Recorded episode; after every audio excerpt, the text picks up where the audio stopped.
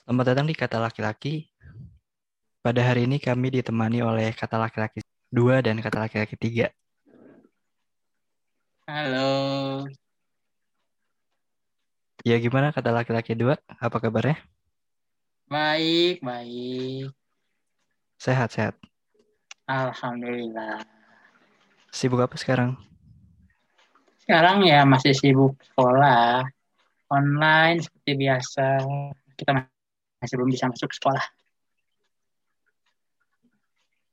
Daring ya, kita masih daring. Iya, Kalau kata laki-laki 3 gimana? Oke, semuanya halo selamat malam.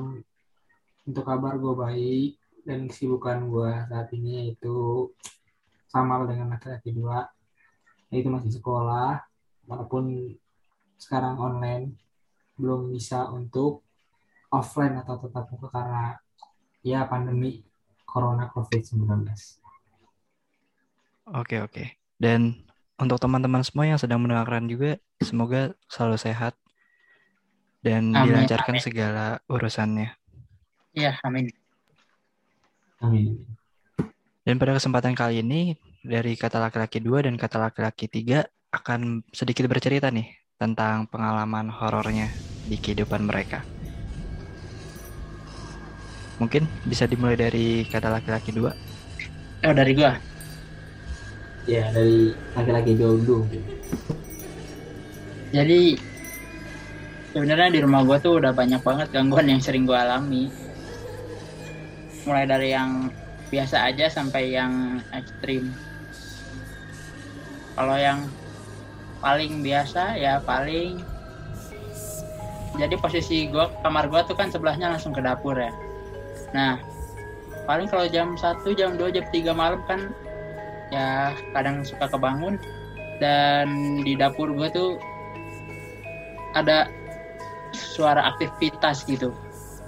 Dan gua ngedengar katanya tangga itu jadi tempat lalu lalangnya mereka yang tak kasat mata. Jadi ya terdengar ramai sekali di sebelah kamar saya.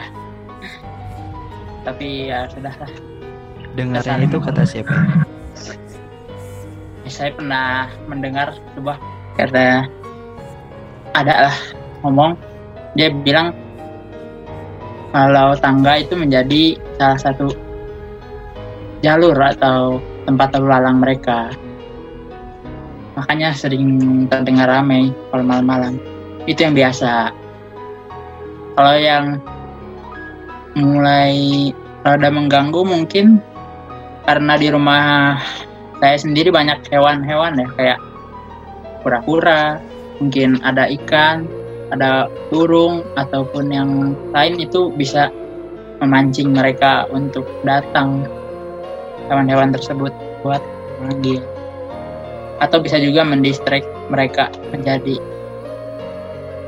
mainannya. Tapi kalau yang paling parah sih pernah waktu itu pagi-pagi sekitar jam 8-an baru-baru ini. eh jadi di rumah tuh kan ibu gua, adik gua semuanya pada nggak ada nih, cuman gua sama ayah gua doang. Dan gua lagi nonton. Ayah gua masuk nih ke kamar mandi. Dan gue juga kan pengen mandi. Kata gua, kok lama banget nggak keluar-keluar.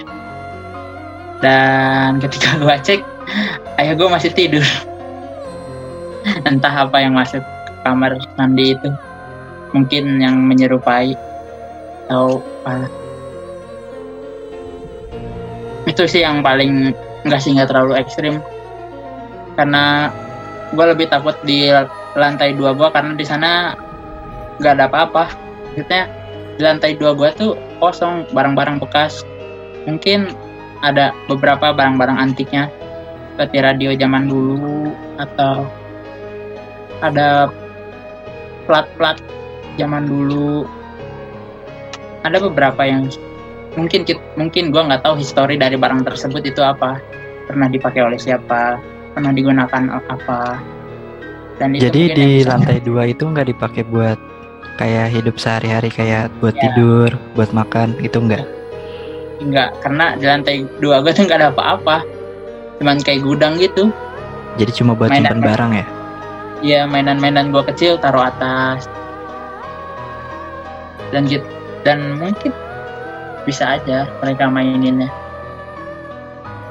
pernah sekali waktu malam karena gua ada keperluan sesuatu ke atas akhirnya gua beraniin beraniin diri buat ke atas dan saat turun tangga ya. Gue lihat bayangan ngikutin di belakang. Bukan bayangan langsung ya tapi bayangan dari tembok. Jadi kayak soalnya ada bayangan gua di tembok dan bayangan sesosoknya itu ngikutin dari belakang tembok dari belakang bukan dari dari diri gua tapi di tembok bayangannya. Wah, Iya. cukup cukup scary, cukup serem. mungkin laki-laki tiga mau berbagi berbagi cerita Oke, cerita gue mungkin nggak seserem-serem orang-orang lain gitu cuma ya tidak terlalu serem lah pokoknya. Kalau gue di, untuk di rumah selama gue tinggal udah cukup lumayan lama. Untuk di rumah gue alhamdulillah nggak pernah ada gimana apa pun. Gitu. normal normal aja.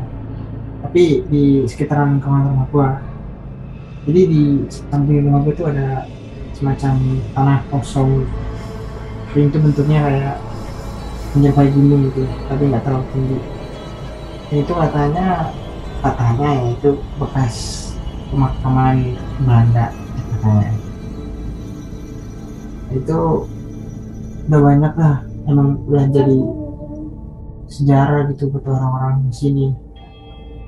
Kayak udah jadi mitos gitu kata misalkan tetangga-tetangga pada itu ada yang ngomong kalau lewat suka ada yang ngetawain. Kalau lewat suka ada yang ada yang suka rame gitu di atas. Tapi nggak tahu juga sih gue itu banyak yang ngomong aja. Banyak lah pokoknya mitos-mitos cerita kayak itu ternyata ada yang yang nungguin tuh bentuknya seperti ini seperti ini dan sebagainya. Cuman kalau pengalaman tuh kayak waktu itu nenek gua gitu kan itu berapa tahun yang lalu itu dia lewat situ. Malam salah malam hari.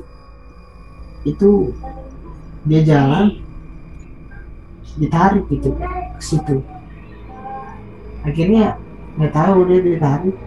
Mungkin sama makhluk situlah menunggu atau gimana gue nggak tahu. Akhirnya jatuh. Pas pulang tangannya patah. Tangan di belakangnya patah. Akhirnya gua sama saudara-saudara gua bawa untuk ke tukang urut karena ke rumah sakit lah terus kejadian kedua itu nenek gua lewat lagi. Tapi ditarik lagi. Dan itu tangan yang satu, satu lagi patah lagi jadi dua-duanya tangan nenek gua patah itu benar ya kayak ada yang narik gitu. Namanya nenek-nenek gue nggak tahu dah. Dia udah nggak kuat kali. Tapi akhirnya tangan satunya lagi patah udah akhirnya bawa ke rumah sakit memang katanya pas ditanya-tanya oh gitu. Pas lewat ada yang lari gitu. buat naik suruh ke sana. Cuma nggak mau akhirnya jatuh. Patah tulang akhirnya. Terus paling sama om gua gitu. Om gua ini dulu pernah bukan main main lah ke itu cuman dia main waktu maghrib gitu waktu maghrib dia ini apa? Maghrib masih main gitu belum pulang ke rumah. Akhirnya emang namanya maghrib kan oh yang sakral gitu. Buat orang-orang dulu yang keluar maghrib maghrib. Dia malah main keluyuran. Akhirnya benar aja kan. Ketika pulang dia linglung gitu dia orang linglung atapannya kosong. Ya akhirnya sama si nenek gue ini dibacain baca-baca lah di, didoain. Gitu. akhirnya gue sih cerita aku nggak tahu dia juga udah sembuh udah, udah seger lagi gitu saat dia ini ditanya kenapa kok bisa kayak gini saya ya dia ngomong waktu itu emang main ya pagi-pagi di atas. Dan waktu itu dekat rumah itu. Dan terus dia ya lupa waktu tiba-tiba ya pikirannya kosong aja gitu nyampe sih nyampe ke rumah cuma gitu kayak orang aja gitu. Udah sih paling itu cerita mistisnya. Dari gue Oke, tadi sempat disinggung main waktu maghrib ya. iya betul. Main waktu maghrib ini juga emang udah jadi mitos yang udah melekat banget ya di kehidupan sehari-hari kita. Entah itu siapa pun yang bilang, orang tua kita atau orang lain. Kalau kalau misalnya nggak boleh main sampai maghrib. Iya. Nah, menurut pendapat teman-teman sendiri, sebenarnya mitos ini eh, hanya sekedar mitos atau ada pelajaran yang bisa diambil dari sebuah mitos ini? Waduh nih, Boleh dari laki-laki dua. Gue sendiri. Menurut gue, mitos itu kan sendiri, mitos sendiri itu kan artinya singkatan kan.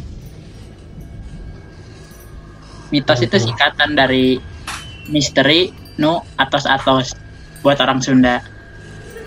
Atau artinya misteri yang udah.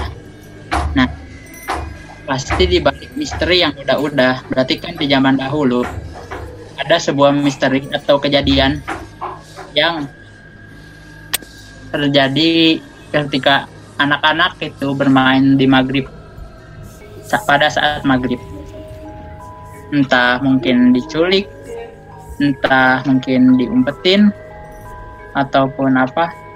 Namun eh, oleh sebab itu orang tua langsung membuat aturan bahwa jika maghrib anak-anak tidak boleh keluar. Mungkin itu ada manfaatnya sendiri bagi anak-anak ya seperti bisa sholat di sholat maghrib di masjid menjadi tepat waktu ataupun lebih baik mengaji dan waktu maghrib itu juga kan sendirinya waktu pergantian atau gimana ngomongnya? Waktu transisi lah dari yang tadinya cerah menjadi gelap gitu. Tapi menurut gua sih pasti ada ada manfaatnya. Orang tua bikin itu tuh pasti ada sebab sebab akibat pasti ada kejadian waktu dulu nggak mungkin orang tua bikin langsung tanpa ada akibat tanpa sebab tanpa ada akibat mereka mencegah daripada nanti terkena akibatnya itu sih Asik, mantap. Kalau dari laki-laki tiga gimana? gue sih sama hampir sama dengan pendapat dari laki-laki kedua yaitu mungkin tujuannya itu orang tua dulu membuat aturan tersebut tuh mungkin ada unsur mistisnya. Dan dari unsur mistis tersebut diselipkan agar tujuan itu mungkin ya agar anak-anak kita nggak keluar maghrib. Agar begitu kayak seperti tadi sholat di masjid. Apa intinya biar hal positif terlakukan itu nanti. Soalnya kan maghrib kan waktunya sakral gitu itu sih menurut gue. hampir sama laki dua mungkin dalam Islam sendiri kan kalau maghrib ketika kita hendak menutup pintu rumah itu kan ada kita harus membaca-baca ayat suci kan agar para makhluk halus tidak bisa masuk ke rumah kita dan mengganggu para penghuni rumah kita iya betul betul. Setuju dengan pendapat tersebut. Kata podcast yang lain. Mungkin laki tiga ada pernah mendengar cerita atau apa tentang bermain ketika maghrib atau apa? Mungkin itu mungkin hanya opini ya mungkin kalau bermain maghrib itu istilahnya apa ya? Itu maksudnya waktunya kita pulang gitu. Ini orang itu aturan tersebut agar anak-anak kita tuh pulang gitu. Karena emang waktu maghrib itu waktu yang sangat apa sangat sakral gitu. Bergantian dari siang dan malam. Gitu tempat pagi itu kan ada sholat. Maghrib itu tempat apa waktunya sekarang sekarang keluar. Iya. Itu dan gue juga pernah deng pernah pernah pernah dengar cerita dari orang tua gue sendiri katanya dulu ada ini di kampungnya ada anak kecil yang kata orang tuanya udah maghrib udah pulang gitu. Tapi dia tuh kekeh gitu. Maksudnya tetap pengen main gitu maghrib. Hmm, sampai akhirnya dia dibawa oleh nenek-nenek sih. Dia ketemu nenek-nenek di jalan dan dia bilang nenek-nenek itu bilang nah eh gimana ya yang kalau bahasa Sunda mah ya yang pang antarkan ini gitu nah habis itu dia tuh dipegang tangannya dan si anak itu langsung aja dibawa terbang ke atas pohon Oh. kelapa Oh itu Dan scary orang sih. tuanya panik kan panik tuh. Langsung nyari sama warga sekampung. Katanya kalau nyarinya tuh harus pakai alat yang berisik kan. Kayak pentongan apalah. Dan kita nggak tahu eh maksudnya gua nggak tahu ada sesuatu yang mungkin neneknya nenek kandungnya yang datang menghampiri anak itu dan ngomong ke yang tadi membawanya lepaskan itu cucu saya. Nah terus akhirnya cucunya diambil turun ke bawah lagi dan ngomong balik jang ulah ulin maghrib deui nya Hmm. dan ketika dia sampai rumah ternyata itu udah hari ketiga semenjak dia hilang padahal Oh. itu baru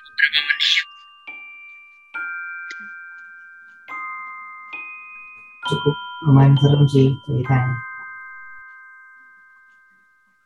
Mungkin bisa gitu ya seperti kita saat tertidur mungkin. Kita merasa seperti tidur itu hanya 10 menit 15 menit tapi ternyata kita tidur 8 jam 7 jam itu tuh. Itu tuh ruh kita ke mana gitu. Ruh kita lagi keluar dari jasadnya. Kita Iya, memasuki dimensi yang lain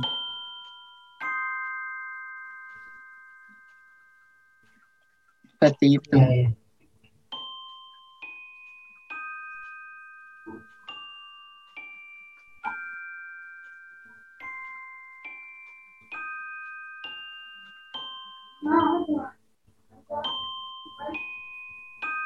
bagaimana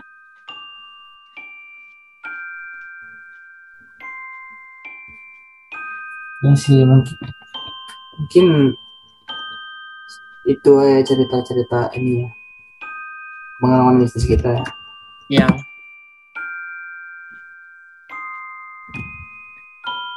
Oke, mungkin jadi buat teman-teman pendengar kami kalau misalnya punya cerita-cerita mengenai hal-hal mistis bisa di-share di Instagram kami di @kata.laki-laki. Sekian podcast kali ini. Terima kasih telah mendengarkan.